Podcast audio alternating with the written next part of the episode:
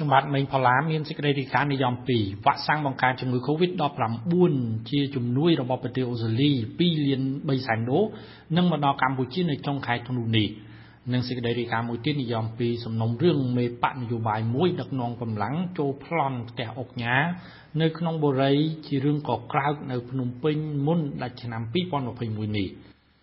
ជាដំបូងខ្ញុំបាទមានសេចក្តីរាយការណ៍និយម2វ៉ាក់សាំងបង្ការជំងឺ Covid-19 ជាជំនួយរបស់ប្រទេសអូស្ត្រាលី2លាន3សែនដូសនឹងបញ្ជូនមកដល់កម្ពុជានៅចុងខែធ្នូនេះ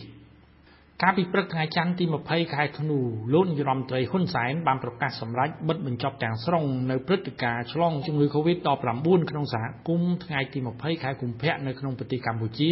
គឺគិតមកដល់ថ្ងៃទី20ខែធ្នូឆ្នាំ2021មានរយៈពេល10ខែគត់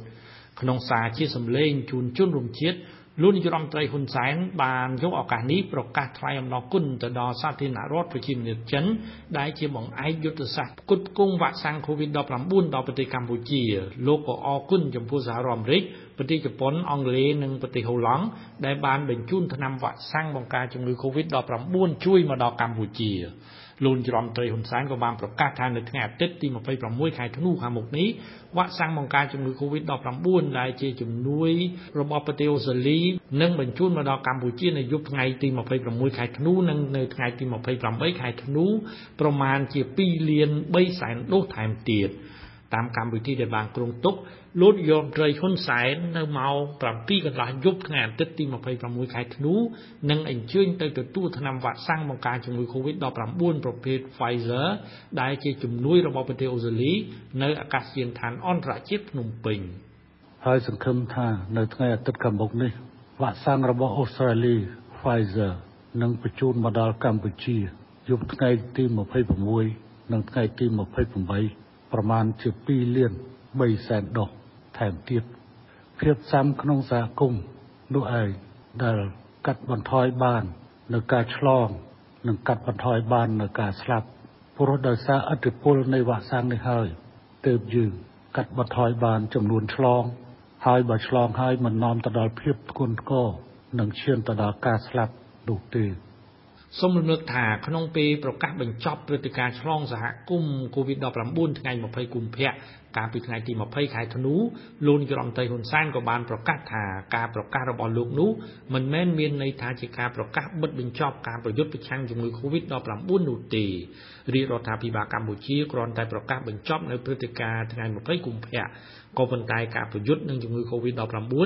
នៅតែជាកិច្ចការអន្តរជាតិបន្តទៀត ព្រោះកិច្ចការនេះមិនអាចធ្វេសប្រហែសបានទេដូច្នេះត្រូវរួមគ្នាដើម្បីកុំឲ្យកើតមាននៅព្រឹត្តិការណ៍ឆ្លង COVID-19 ដទៃដទៃទៀត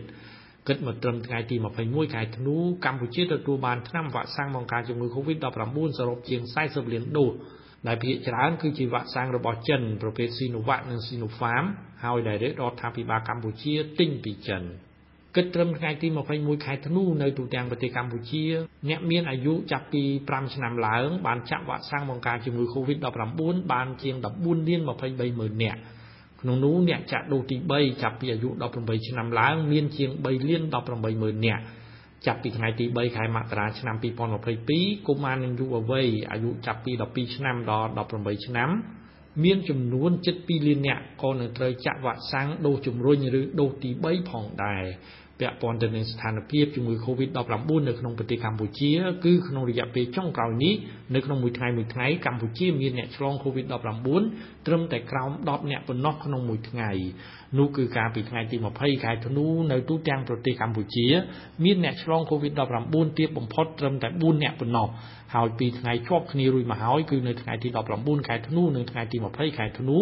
កម្ពុជាមិនមានអ្នកស្លាប់ដោយជំងឺ Covid-19 ទៀតទេ ក្នុងនោះកម្ពុជាក៏ទើបតែរកឃើញអ្នកឆ្លង COVID-19 ប្រភេទ Omicron ជាករណីនាំចូលពីក្រៅប្រទេសមានចំនួន4អ្នកប៉ុណ្ណោះជាសរុបនៅទូទាំងប្រទេសកម្ពុជាគិតត្រឹមថ្ងៃទី20ខែធ្នូឆ្នាំ2021មានករណីឆ្លង COVID-19 សរុបចំនួន12427នាក់